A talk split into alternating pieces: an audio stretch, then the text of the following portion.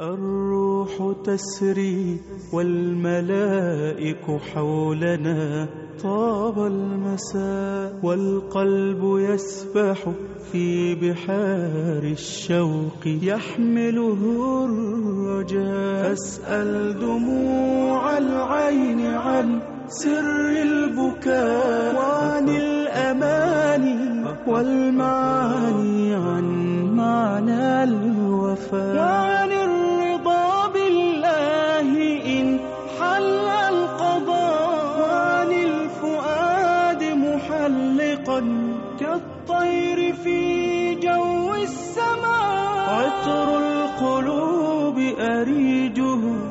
قد فاح من هذا اللقاء. الروح تسري والملائك حولنا. طاب المساء.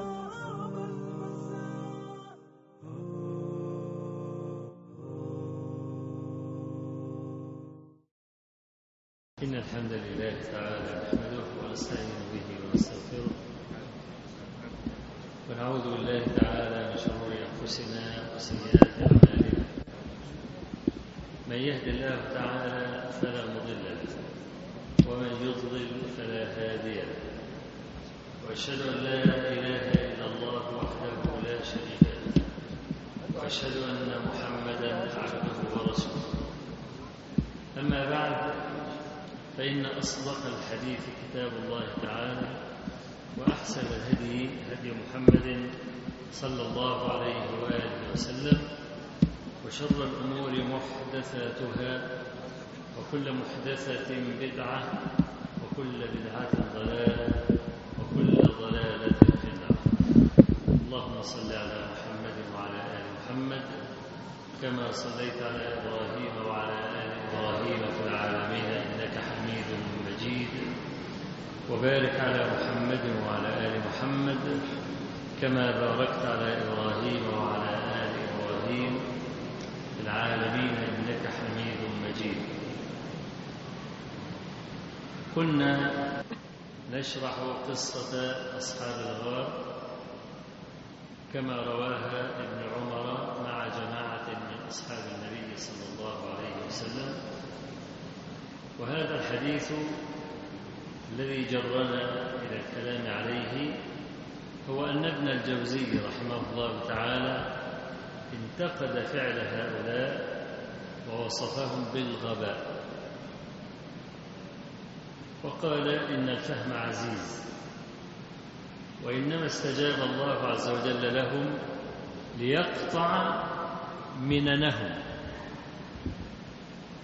كأنما قال أعطهم ليسكتوا. أعطهم ليسكتوا يعني من كثرة إلحاح الملح أحيانا يعطى ما يريد ليسكت. فهو خرج فعل هؤلاء على هذا المعنى وأنا سجلت اعتراضي عليه وبدأت أبين من الفقرة الأولى أن اعتراض ابن الجوزي لم يكن في محله. والحديث ينقسم إلى ثلاث فقرات. الفقرة الأولى تتعلق بالرجل الذي الراعي الذي لم يسقي أولاده اللبن حتى يشرب أبواه. ونحن اليوم مع المقطع الثاني وهو قول الثاني منهما اللهم إن كنت تعلم أنه كان لي ابنة عم وكنت أحبها كأشد ما يحب الرجال النساء. فأصابتها سنة أي مجاعة وحاجة. فجاءتني تطلب مالا فراودتها عن نفسها فأبت. ثم جاءت تطلب مالا فراودتها عن نفسها فرضيت فلما قعدت منها مقعد الرجل من امرأته قالت يا عبد الله اتق الله ولا تفض الخاتم إلا بحقه أنني فعلت هذا ابتغاء مرضاتك ففرج عنا ما نحن فيه. فانفردت الصخرة قليلا غير أنهم لا يستطيعون الخروج. يا له من صبور. فإن الذي يتغلب على فتنة النساء هو الرجل بمعنى الكلمة. لأن أعظم فتنة خلفت على الرجال هي فتنة النساء كما في حديث أسامة بن زيد رضي الله عنهما. أن النبي صلى الله عليه وسلم قال ما تركت بعدي فتنة أضر على الرجال من النساء. فهي أعظم فتنة يتعرض لها الرجل فتنة النساء. لما ركب فيه من الميل إلى المرأة لا سيما مع وجود المقتضى. يعني لو ما فيش مقتضى ممكن. لكن مع وجود المقتضى ويتعفف يا له من صبور. ولك أن تعتبر بقصة يوسف عليه السلام. إذا جاز لإنسان أن يعتصم بنبله وشرف نسبه عن الترفع عن الدنايا لكان يوسف عليه السلام فهو الكريم ابن الكريم ابن الكريم ابن الكريم. يعني هو ضارب الجذور في العراقة عراقة النسب. أبوه نبي وجده نبي. وهلم جر إلى الجد الأعلى وهو إبراهيم عليه السلام. كانت كل الدواعي مع يوسف عليه السلام. أولا كان مملوكا. والمملوك يفعل ما يأنف عنه الحر. ثانيا كان شابا عزبا لم يتزوج ولم يتسرى فهو في كامل فتوته وتمام شهوته. ثالثا كان غريبا. والغريب يفعل في دار الغربة ما يأنف أن يفعله بين أهله وإخوانه. رابعا هدد. ولئن لم يفعل ما آمره ليسجنن. ولا يكون من الصاغرين فممكن يقول أنا مكره. ماذا أفعل؟ خامسا التي تدعو إلى نفسها هي سيدة القصر فهو آمن من الفضيحة لأنها أحرص على ألا يفتضح أمرها منه كل هذه الدواعي تدعوه إلى الزنا. عشان كده أنا قلت لك كان في مقتضى. كان في مقتضى. ومع ذلك قال معاذ الله. إنه ربي أحسن مثواي. إنه لا يفلح الظالمين. ده أمام فتنة صلعاء عمياء وداهية دهياء. طب هو كيف نجا؟ دعا ربه جل جلاله. قال وإلا تصرف عني كيدهن أصب إليهن وأكن من الجاهلين. أصب من الصبوة. أدخل رجل يصير كالصبي أمام المرأة. ما دي هي الصبوه ولذلك النساء يست... أي امرأة تستطيع أن تلعب بأي رجل. أوعى واحد يقول لي أنا ذكر و... وأنا من ظهر راجل والكلام ده. له مناصا إلا أن يتجه إلى ربه تبارك وتعالى. الفتنة دي ما يخلصكش منها غير ربنا سبحانه وتعالى وحده. فلما استجار بالله عز وجل أجاره. والمرأة عندها سلاح هو تمام كمالها وتمام قوتها. هل رأيتم في الدنيا مخلوقا؟ يكون تمام قوته في ضعفه. شفتم عجيبة مثل هذه العجيبة؟ تمام قوته في شدة ضعفه. هي المرأة عشان كده المرأة الغبية اللي تحاول تعمل راجل قدام الراجل يكسرها على طول.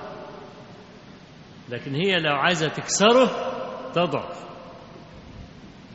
كل رجل في هذا المسجد وأنا منهم. دكتاتور. آه صدقوني. دكتاتور. ليه مع أولا رجل؟ وجنس النساء متعصب للرجال. تلاقي الواحدة لما تخلف بنت ورا بنت ورا بنت ورا بنت لو جابت بنت تبقى عايز تخنقها. إنما لو جابت ولد تبقى فرحانة بيه جدا وبتاع والواد الحيلة وأمه شوق ها؟ جالها الواد بعد زمن. ولو عندها فلوس تدي للولد وتحرم البنات. تقول لك مسألة لها زوج وبتاع والكلام ده الواد ده غلبان وبيجري على ولاية ها؟ تلاقي حتى جنس النساء متعصب للرجال. بالإضافة لأن الرجال هم اللي معمرين الأرض. هم اللي بيحملوا العلم والجهاد والكلام ده. وأنا لما قلت مرة من مرات وقامت الدنيا ولم تقعد تاني ما قعدتش لحد دلوقتي. لما طلع شوية منتخبات كده على قناة من القنوات الفضائية وأنا انتقدت هذا جدا واعتبرته نذير شؤم. أن تظهر المرأة وقلت إيه اللي عند المرأة يعني تقدمه للرجال؟ ما أنا عايز أفهم يعني. العلم للرجال وليس للنساء. قامت الدنيا. أنا كان ناقص بس المجلس القومي للمرأة يدخلني السجن. عشان قلت الايه العلم للرجال. وهو فعلا للرجال ولا زلت أقول هذا. لأن العلم مش شوية القشور ولا المواعظ اللي الست بتقولها مش هو ده العلم. العلم القائم على الأصول. يبقى دارس أصول فقه ودارس أصول حديث ودارس أصول عربية. ويعرف مداخل الكلام ومخارجه ويعرف يجتهد. ولذلك انت شفت الكتب المنشورة من زمن ما تلاقيش اسم واحدة إلا اليومين دول. لما بدأوا يحضروا ماجستير ويدخلوا على الإنترنت وجوجل والكلام ده ويسرقوا الأبحاث ويحطوها وقص والزق بس لكن عشان خاطر تجتهد وتعمل اجتهادها وتشغل مخها وتدرس أصول الكلام ده هي مش فاضية هذا الكلام. هي تو ما تتخرج من الجامعة بتتجوز تخلف عيال تقعد في المطبخ. حتى لو هي اذكى واحدة في على, وجه الكرة الأرضية. ما تعرفش الآخر توصل لحاجة. إنما الرجال دي شغلتهم. وذلك تجد كل الكتب من تصنيف الرجال سواء في الأصول أو في الفروع فأنا لما قلت الكلام ده ما كنتش أقصد أن أنا لا أتنقص حد ولا الكلام ده. بس عايز أقول واحدة منتقبة أعدالي على شاشة. بتقول لي إن شاء الله. هتقول لي مين؟ طب ما تقعدوا في المساجد. ما فيش إطلاق لأي مشكلة. احملي العلم اللي معاكي وروح المساجد وعلمي النساء, وعلمي النساء والكلام ده. لكن تطلع لي متغمية كلها كده. والرجال يقولوا إيه البعوة اللي طالع لي على مش عارف إيه والكلام ده. إحنا مش ناقصين وجع قلب. وجاء واحد عمل لي في الآخر قناة للمنتخبات كهو. كمان عشان تبقى إيه التقت حلقة البطان كما يقال. فهو الرجال لهم في الدنيا الحس والصوت والكلام ده. بالإضافة لأن الشرع إداهم صلاحيات. وللرجال عليهن درجة. الرجال قوامون على النساء. تقدر إن أنت تتحكم فيها وتمنعها إنها تزور أهلها وممنوع أهلها يزوروها ومن حقك. وإذا أنت تجنيت تتحاسب قدام ربنا إنك أنت قطعت الرحم والكلام ده لكن هو الحكم ماضي في الدنيا. فالراجل ديكتاتور أي رجل في الدنيا ديكتاتور. إيه اللي بيخلي الديكتاتور ما يبقاش غشيم؟ الإيمان. هو ده اللي بيرده بس لكن لو فيش إيمان يصد يبقى ديكتاتور حقيقي. طيب تعالوا بينا بقى نشوف الديكتاتور بيتغلب إزاي. إنما يغلب الديكتاتور بالثناء. أنت الرئيس المؤمن وأنت الرئيس الزراعي والرئيس التجاري والرئيس الرياضي. وانت مفيش حد زيك ما جابتكش ولادة والكلام ده إحنا مش عارفين من غيرك كنا هنعمل إيه والكلام ده. أول ما الثناء يدخل ودانه يقع. طالما عرفنا القصة كده أنا بقول للست زكية اشتغلي في في الازرق ها؟ زوجك. جاء الحمد لله رجعت لنا بالسلامة لأن ممكن يرجع يطلع ما يرجعش. عربية تخبطه ولا يروح في أي حتة. ها؟ فكونك كونه يرجع لك مرة تانية يعني أنت تستمتعي بيه لسه. وربنا يبارك فيك وربنا يخليك لينا و... ويرزقنا مش عارف إيه ويعمل فيك مش عارف. تخيل بقى لو هو حتى بيعمل كده على نيابه ولا بتاعه إنه يعمل إيه؟ ده لما يكون واحد يعني كده متضايق منك تقول له حضرتك وسيادتك طب هيعمل فيك إيه؟ مثلا. فالمرأة كل ما تضعف تغلب. قاعدة قاعدة جليلة. النساء لو استخدموا القاعدة دي ما فيش واحدة هتشقى في بيتها. ومش عايز أقول بقى أنا تركب الراجل وت... وتركب جميلي كمان. تخلي رجليها الاثنين في ناحية. ها؟ والرجل يبقى راضي. يبقى راضي من كل قلبه يبقى راضي. والنبي عليه الصلاة والسلام قال إن المرأة خلقت من ضلع وان اعوج الضلع أعلى فان ذات القيمه وكسرته وإن تركته ضل على عوج فاستمتعوا بهن على عوج. والنبي عليه الصلاة والسلام بين لنا إن المرأة تغلب أدخن تخين مش في الوزن في العقل. قال إيه؟ يا معشر النساء ما رأيت أذهب أفعله. أذهب للب الرجل الحازم. مش الرجل بس. الحازم منكن من هو الحازم؟ هو الذي يغلب ولا يغلب. يبقى يطلع الراجل الدنيا تقف على رجل. يدخل بيته مراته توقفه على رجل. يبقى من الذي يحكم العالم؟ المرأة هي التي تحكم العالم. لما تكون بتغلب الرجل الحازم وتحطه تحت جناحها ده تبقى قوتها إيه دي؟ دي مفترية. اللي تعمل القصة دي. لكن أغلب النساء أغبياء مش عارفين مواضع القوة عندهن. مواضع القوة عندهن تكسر الدكتاتور اللي هو ساكن في صدر زوجك وفي قلب زوجك بالثناء عليه. اوعي تتحديه وتقفي قباله هيكسرك على طول. وكسر المرأة طلاقها كما قال النبي عليه الصلاة والسلام. أنا يعني أسهبت شوية في القصة دي عشان أبين إن المرأة إزاي هي جنس خطير. ولا يستعان على دفع شرها إلا بالله. تخيل بقى يعني لما يكون بني آدم لا يدفع شره إلا بالله. سبحانه وتعالى هي المرأة. عشان كده النبي صلى الله عليه وسلم لما قال ما رأيت ما, تركت بعدي فتنة أضر على الرجال من النساء أنا بقول الكلام ده بس عشان أوضح لك الحديث رايح فين وإزاي هي أخطر فتنة على الرجل. عشان كده الجماعة في الغرب استخدموا المرأة كسلعة. كل الإعلانات وكل بتاع لازم يعروا لك المرأة. وهم يعلمون أن الأمم لا ترتقي إلا باستقامة نسائها.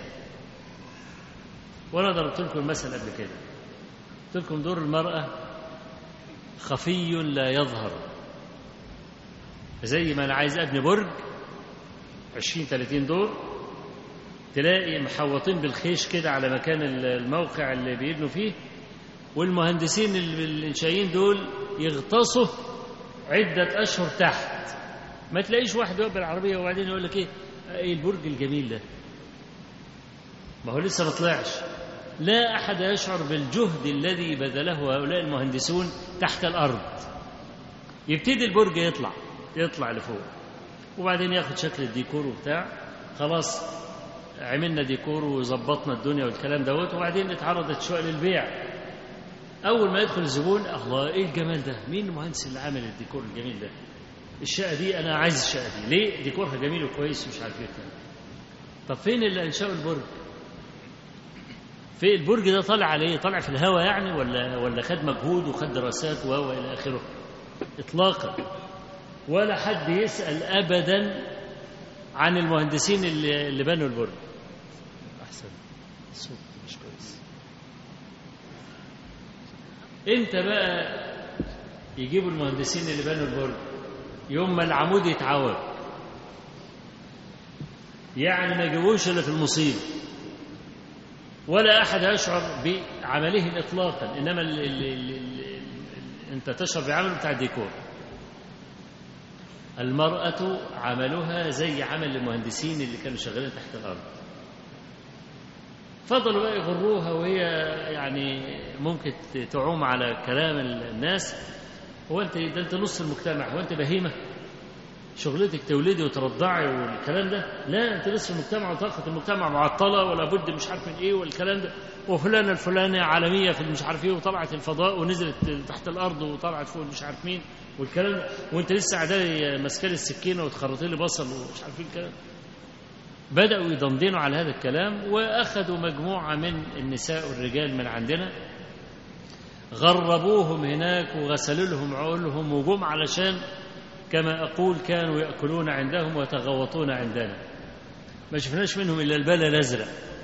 جم هنا وغربوا المجتمع كله بالكامل ودخلنا في القصة التي لم تنتهي لحد النهارده. وكل ما ندعو المرأة إلى الرجوع إلى البيت مرة أخرى وتربي أولادها يقول لك الرجعية والتخلف والقرون الوسطى والكلام ده.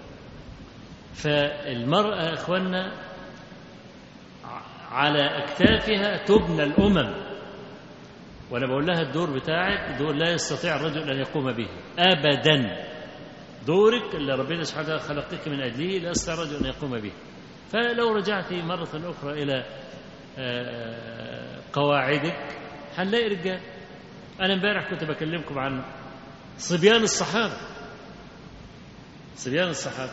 شوف كان صبيان الصحابة عاملين إزاي؟ شوف الرجاله بتوعنا ربوهم على الخوف يقول لك امشي جنب الحيط الحيط لها ودان مش انت اللي تصلح الكون؟ ليه ما تصلحش الكون ليه؟ إيه يعني اللي ناقصني؟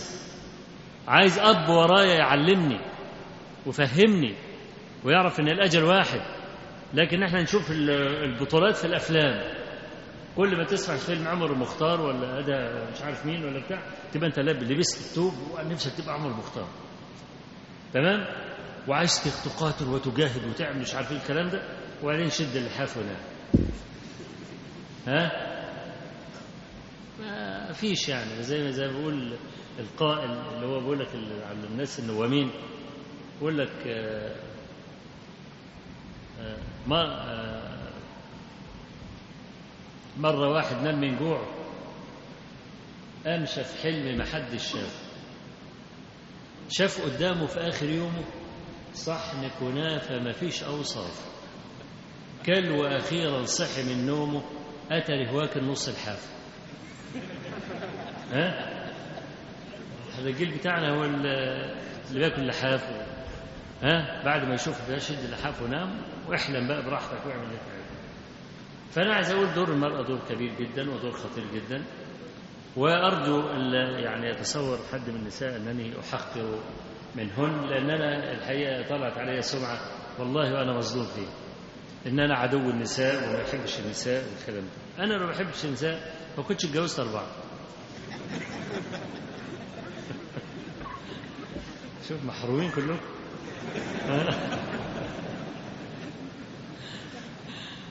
لكن أنا عارف دور المرأة الحقيقي وعارف قوة المرأة الحقيقية من جهة عملها ومن جهة فتنتها كمان. عطر القلوب أريجه قد فاح من هذا اللقاء. الروح تسري والملائك حولنا طاب المساء.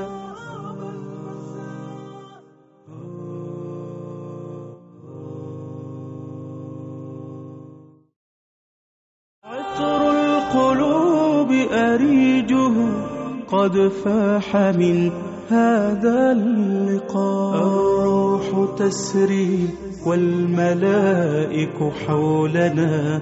طاب المساء.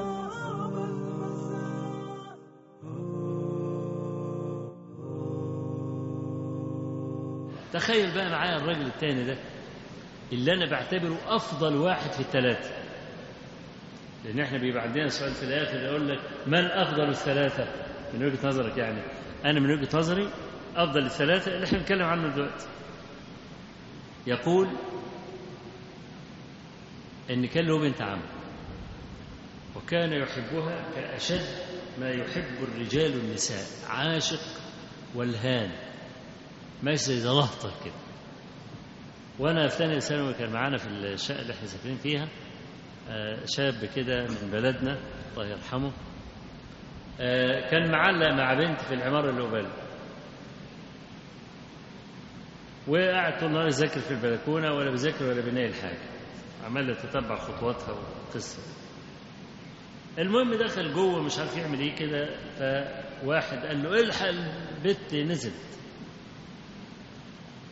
اولا هو كان مهندم قوي. كان بياكل البنطلون بتاعه. وكان بيكون إزاي؟ يحطه تحت المرتبة. ها ما عندوش فلوس. عشان يودي ال- البنطلون لمكواج رجل ولا بتاع. لا يشده وبتاع ولازم يحطه تحت المرتبة وينام فوق علشان الصبح يلاقيه مكوي فلما قال له البت نزلت زي ما تقول حصل له لوسة. لبس الشبشب من شبشبين. واحد برقب واحد بصباع والتاني بأربع رجول. بقول لك مهندم جدا وكان نظيف قوي يعني ماشي بيمشي يتأمع كده. والبيجامة لابس الجاكيتة من فوق من لون والبنطلون من لون ما هو قاعد في البيت. فبالتالي يلبس أي حاجة. والجيب بتاع البيجامة ده مقطوع ومدلدل. هو قال له البت نزلت وده ما تعرفش إيه اللي حصل له. نزل يجري وراه لحد ما لحقها كان في المزدان الوسطاني بتاع القطر اللي عندنا في كفر الشيخ يعني.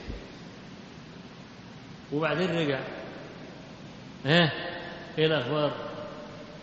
شفتها؟ قال شفتها. إيه يا ابني اللي أنت عامله في نفسك ده؟ تنزل بفردتين والبيجامة لونين وكمان الجيب مقطوع ما تعرفش إيه اللي حصل له. أول مرة يشوف المنظر ده على نفسه. نزل دايخ مش شايف حاجة خالص. ودي طبيعة أي واحد بيعشق أي حاجة يعني. تراه نصف عاقل. معظم عقله بروح بالذات لو كان المقابل امرأة يعني. فده يعشقها. جاءت تطلب مساعدة. فمن لؤمه راودها عن نفسها فاستعصمت بعفتها ورفضت. شوف لفظ الحديث بقى ثم جاءت. ثم لفيد الترتيب مع التراخي. تفيد التراخي عفوا تفيد التراخي. كأنها طافت على ولاد الحلال حد يغيثها ما لقتش. كلهم لؤم. فقال لي أرجع لابن عمي. أهو من دمي ولحمي ثم رجعت. فراودتها عن نفسها فرضيت. هنا بقى مشكلة. بعض الناس عنده قصور فهم فيها. نقول لك دول إحنا عايزين ندي الزكاة ندي الصدقة للناس الملتزمين. يستعينوا بالمال على طاعة الله إلى آخره. وما يرضوش يدوا للعصاة يقول لك ده عاصي وعاصي لله كيف أساعده وهو عاصي لله والكلام طب أنا أقول لك حديث أبي هريرة في الصحيحين.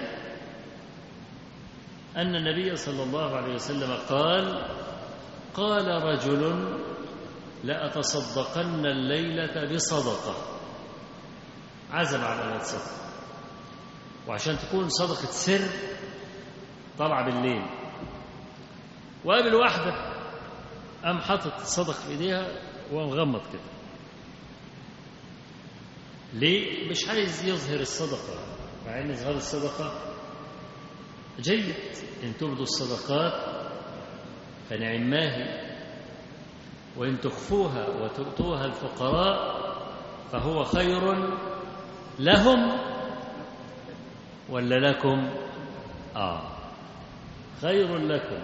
يبقى السر دايما خير للمتصدق. لكن إبداء الصدقة خير للفقير. علشان أنا ممكن أرى واحدة صدق أغار منه. وأتصدق زيه فيبقى الفقير سيعود عليه خير كبير ولذلك ربنا سبحانه وتعالى قال إن تبدوا الصدقات فنعم ما هي يعني نعمة ما فعلت أن تبدي الصدقة وأن تظهرها ليه؟ لأن ستحض غيرك على الإيه؟ زي حديث جرير ابن عبد الله البجلي لما قال جاء حديث صحيح مسلم جاء رجال من مضر أو أغلبهم من مضر بل كلهم من مضر وعليهم سيم الفقر فلما رآهم النبي صلى الله عليه وسلم تغير وجهه وقال يتصدق أحدكم من ديناره من صاع بره من صاع تمره. حتى فقام رجل من الأنصار أتى بصرة كادت أن تعجز عن حملها بل عجزت عن حملها فوضعها وتتابع الناس كل واحد بقى يجيب إيه يجيب إما لبس أو يجيب أكل. حتى صار عند النبي صلى الله عليه وسلم كومان من طعام ومن لباس. فلما رأى النبي صلى الله عليه وسلم ذلك تهلى وجهه كانه مذهبه وقال من سن في الإسلام سنة حسنة فله أجرها وأجر العامل بها إلى يوم القيامة ومن سن في الإسلام سنة سيئه فعليه وزرها وزر العامل بها إلى يوم القيامة. أهو. رجل أدى الصدقة أهو. ولا خد الفقير على جنبه ومديها له لا أدى الصدقة خلاص. فدي تتابع الناس على الإتيان بالصدقات فده خير للفقراء. لكن وإن تخفوها وتؤتوها الفقراء خير لكم أنتم عشان تحتفظ بورعك وما يبقاش في عجب ولا رياء إلى آخره. هذا الرجل من الجنس الثاني طلع بالليل مش عايز حد يشوفه حط الصدقة في إيد أول واحدة قابلته فأصبح الناس يقولون تصدق الليلة على زانية. زانية؟ ده يلاقي العظم في الكرشة بقى. فقال الحمد لله على زانية لا حول ولا قوة إلا بالله. وقعت في يد زانية لا تصدقن الليلة بصدقة. طلع ثاني يوم قبل واحد. قام ادها فأصبح الناس يقولون تصدق الليلة على سارق. فقال الحمد لله على سارق. لا تصدقن الليلة بصدقة طلع في اليوم الثالث لقى واحد قبله أم حط الصدقة في إيده فأصبح الناس يقولون تصدق الليلة على غني. يعني الصدقة لم تقع في أي موقع هو يريده. هو عايز يدي للمستحق. فكأنما هم أن يتصدق مرة أخرى. فجاءه ملك في صورة رجل. قال أما صدقتك فقبلت. طالما طلعت من عندك ما تدورش رحت فين. إنما وضعتها في يد الله. تروح شرق تروح غرب الذي عملت له يعلم أين وقعت. وأما الزانية فلعلها تستعف. وأما السارق فلعله يتوب. وأما الغني فلعله يخرج الذي عنده. كأنه لا يتصدق فيخرج الذي عنده. كم من نساء انحرفن وانجرفن إلى الزنا بسبب الحاجة. بسبب الحاجة. وأنا حكيت قصة ربما يكون سمعتوها مني أكثر من مرة حصلت في شارع الهرم أيام كنت بروح مسجد الرحمة في أوائل التسعينيات وكان في مؤتمر عن المرأة المسلمة آنذاك وكل شيخ من الشيوخ بياخد جانب من حياة المرأة المسلمة ويعالجه فكان في بعض الشيوخ بيدي محاضرة وبعض الشيوخ الآخرين كان قاعد يتلقى الأسئلة اللي هي في صلب المحاضرة يقدمها للمحاضر واللي مش في صلب المحاضرة يركنها على جنب. المهم وصلته ورقة مكتوب فيها أنا راقصة وأريد أن أتوب. ف وأنا واقفة على باب المسجد مسجد الرحمة. فدفعه الفضول إنه يخرج يشوف إيه البنت ديت والكلام ده صح ولا واحد عمل مقلب فخرج الشيخ رأسا. ها؟ مش رقصا رأسا. على الإيه؟ على الست اللي قدام. لقى بنت 18 سنة 19 سنة في الحدود دي. أنا يا بنتي أنت اللي كاتبة الورقة دي؟ قالت له أيوه. قال طيب كلميني في الهاتف ده الساعة 10 كلمته البنت إيه بقى أحوالك و... ولماذا ترقصين وتروح الملاهي الليلية والكلام ده؟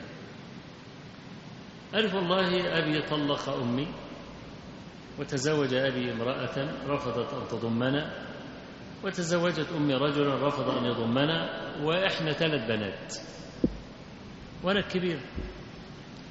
لقينا نفسنا لحم.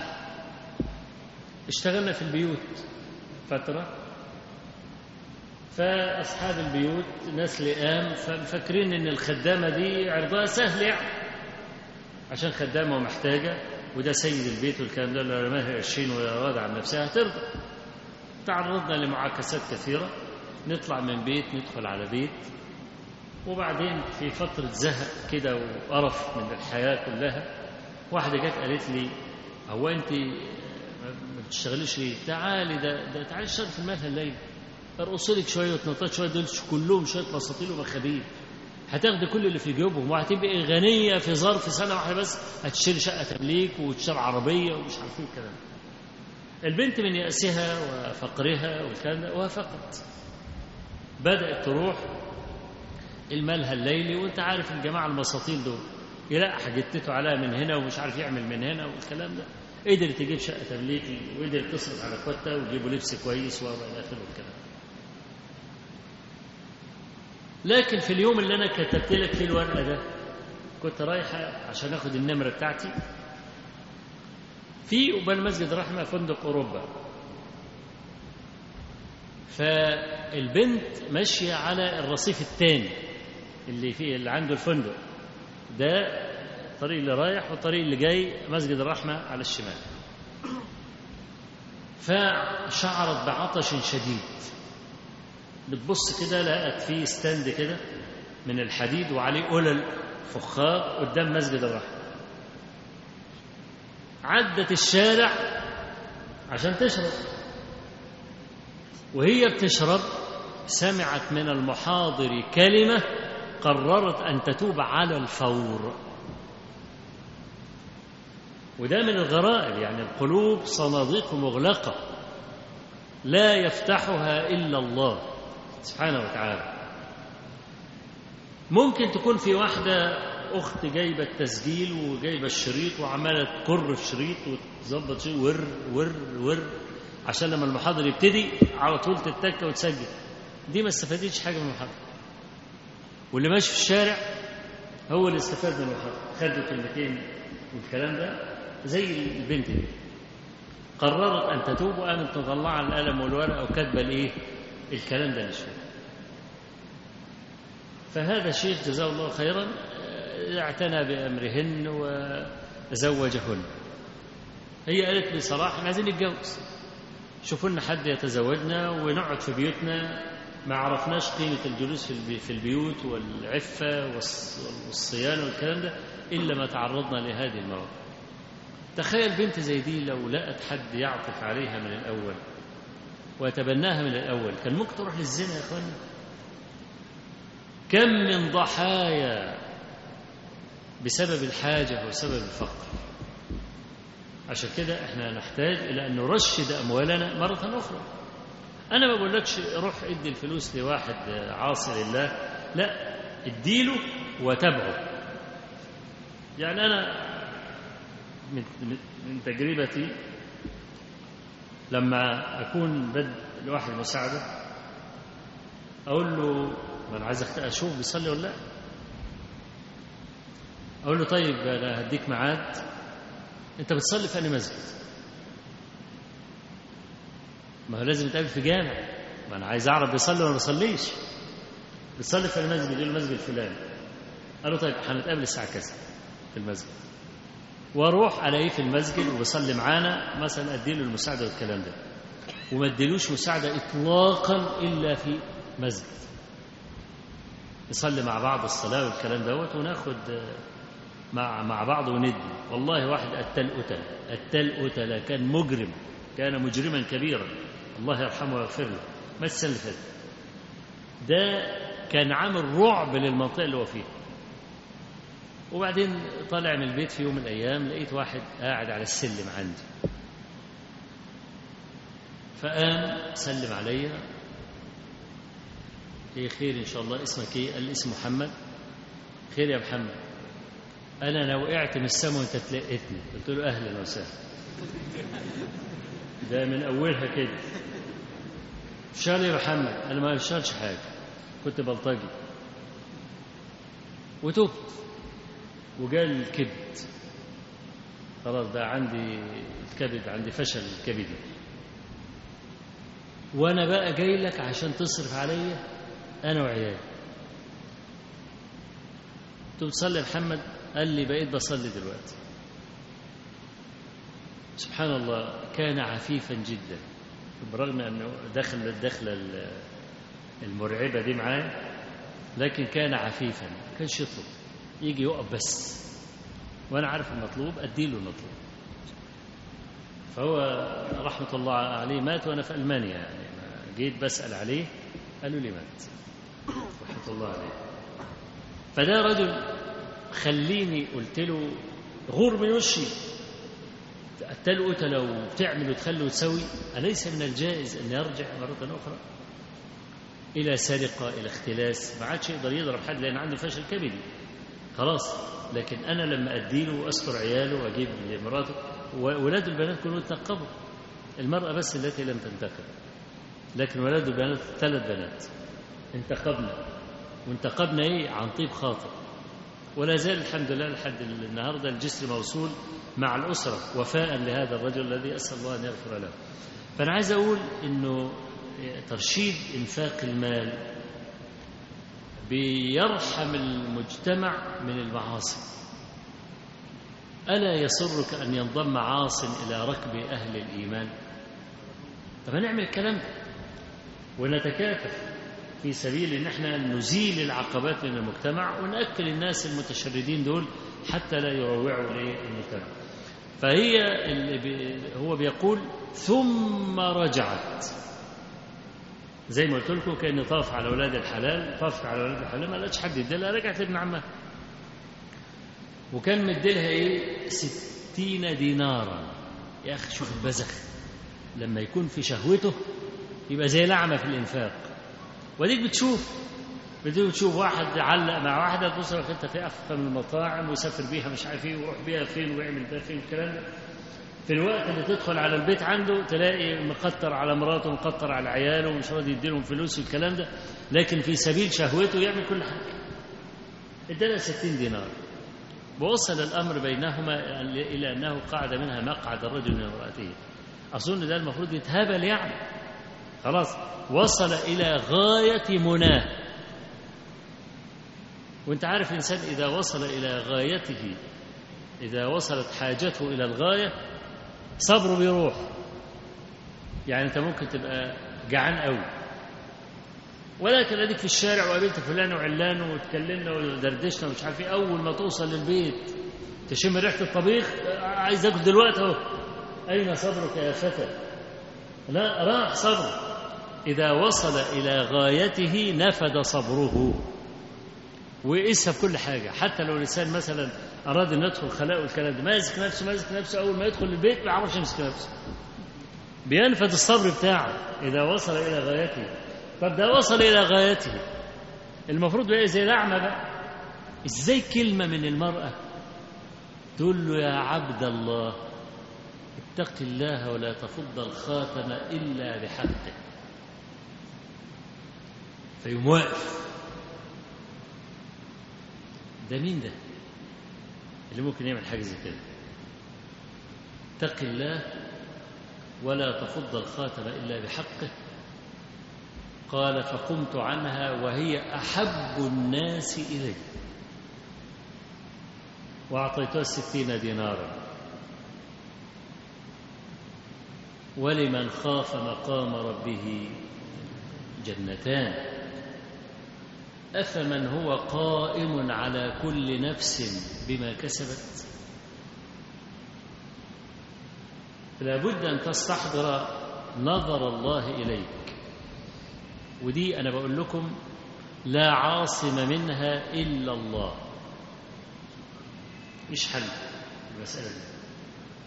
لذلك أنا اعتبرت أن هذا الرجل هو أفضل الثلاثة ليه؟ لأنه غلب هواه في شيء لا يكاد المرء يفلت منه. بالإضافة لأنه لأن خيره تعدى إلى غيره وأعطى المرأة ستين دينارا. يبقى عصم نفسه من الزنا وتعدى خيره بالستين دينارا اللي هو تركها للإيه؟ للمرأة. في بعض طرق الحديث الحديث ده رواه علي بن أبي طالب والنعمان بن بشير وابن عمر وجماعة آخرون من الصحابة. إن المرأة دي كانت متزوجة في الأصل لم تكن بكرا وبعدين وقعوا في ورطة هي وزوجها مش لاقيين ياكلوا. فلما راودها عن نفسها راحت تستشيره. قال لها قال لها أغني عيالك. أه يا ديوس يا ابن الذين. أغني عيالك يعني تروح تسلم نفسها للفاحشة علشان خاطر تجيب قرشين والكلام ده هو؟ والله ده القرود أشرف منه وحتى الذين يصنفون في الحيوانات يقولون لا أغير من القرد. وتلاقي النهاردة اللي عمالين يعترضوا على الرجم. يقول لك رجم إيه؟ والقسوة اللي أنتم بتعملوها دي ده النبي صلى الله عليه وسلم قال إن الله كتب الإحسان على كل شيء فإذا قتلتم فأحسنوا القتلة وإذا ذبحتم فأحسنوا الذبح وليحد أحدكم شفرته وليرح ذبيحته. يقول لك يا أخي عاملوا معاملة البهيمة. إذا كان بيقول لك لما تيجي تذبح الجاموسة لازم السكينة تكون حامية جدا عشان تخلص. ولا تعذب الحيوان. تقوم تقول للرجل نجيب واحد زنى وهو محصن متجوز يعني أو واحدة متزوجة. وزنى ونحفر لهم في الأرض حفرة لحد السرة كده ونردم عليهم وكل واحد يمسك حجر اللي ربنا قدر على أن يشيله ويخبطه في دماغه نفضل نقتل فيهم قيمة ساعتين وممكن الروح ما تطلعش لآخر النهار. كمان يعني أنتوا رحمتم البهيمة ولم ترحموا الإنسان. ده الشبهات بتاعتهم والكلام ده ممكن أي واحد يسمعه ويقول والله كلام معقول. ما أقدرش أقول حاجة عنه. ها؟ لا. النهارده أنا ليه أحد الشفرة بالنسبة للبهيمة لأن ما هي الحكمة في تعذيب البهيمة؟ ما أنا عايز أفهم يعني ما هي الحكمة؟ إنك أنت تعذب البهيمة تجيب سكينة تلمة كده وتقول تن تن تن ليه يعني عشان إيه حرام عليكم. ما فيش أي مصلحة في تعذيب البهيمة لكن واحد متزوج وزنى يشتد الخطب إذا كانت المزني بها هي كمان متزوجة. هتدخل على الناس نسبا ليس من من صلبهم. ويصرف الميراث إلى غير مستحقيه وده اعتداء على الأعراض. واعتراض خفي مش حد يعرفه. تخيل المجتمع بقى مفتوح للقصة دي كم من أولاد الزنا واللقطاء والكلام يملوا المجتمع كله. ده خراب مستعجل على المجتمع كله. ففي حكمة بالغة في الرجم وفي تشديد العقوبة لأن أول ما بني آدم يشوف إن في واحد بيرجم والله رجعته ملكة جمال ويعرف إن أمره هيتكشف خلاص ما يقدرش يعمل حاجة زي كده. فتصان الأعراض زي ما ربنا قال سبحانه وتعالى ولكم في القصاص حياة. طب إزاي يبقى قتل وفي حياة؟ قال لك ما هو عارف لو قتل هيتقتل مش هيقتل. وده يبقى فيه استبقاء لحياته وحياة المقتول. لو علم أنه سيقتل سيمتنع من القتل. وكانت العرب تقول هذه الكلمة وكانوا بيعتبروها أبلغ أو من أبلغ ما قالته العرب. القتل أنفى للقتل. وقال لك بقى إحنا جبنا يعني تعبير آه، أو جملة بسيطة جدا صغيرة خالص لمعنى كبير. جاء القرآن كشح ليه؟ لأن القتل كلمة. أنفى أدي كلمة للقتل أدي ثلاث كلمات. القرآن جابها في كلمتين بس. القصاص حياة. وإحنا عارفين البلاغة قلة الكلام. كل ما تقلل كلامك ويحمل معاني كثيرة هي دي الإيه؟ هي دي البلاغة. فهم لما يجوا على النهارده ينكروا الرجم ويقول لك لا- ليس في كتاب الله. طب ما هو في السنة. رجم النبي صلى الله عليه وسلم ورجم أبو بكر ورجم عمر حتى عمر بن الخطاب قال كما في صحيح البخاري. ولولا أن يقول الناس زاد عمر في كتاب الله لكتبته على حاشية المصحف. وتنبأ عمر الخطاب أن في ناس هيجي ينكروا الرجم. وقد وقد حدث هذا. فالقردة أشرف من هؤلاء. اللي هو يقول لك إيه؟ هيسخطوك يا قرد. قال لك هيعملون إيه؟ يعني كأن القرد ده أحط مخلوق على وجه الأرض. طب أدي أحط مخلوق على وجه الأرض؟ أشرف وأغير من كثير من الذين يدبون على الأرض بقدمين فهذا الرجل أنا في اعتقادي وربما يعني يوافقني بعضكم أو أغلبكم على أن هذا الرجل هو أفضل هؤلاء الثلاثة. بقي لنا الرجل الثالث أقول قولي هذا واستغفر الله لي ولكم.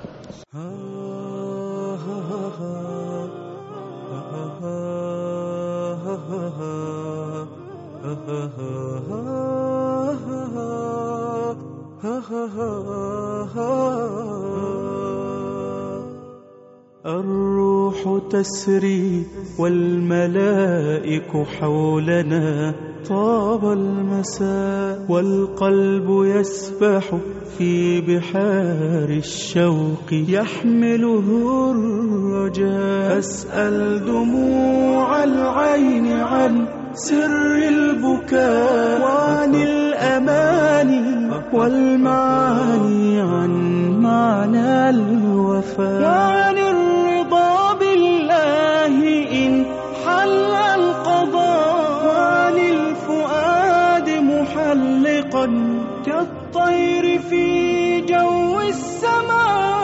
عطر القلوب أريجه قد فاح من هذا اللقاء. الروح تسري والملائك حولنا طاب المساء.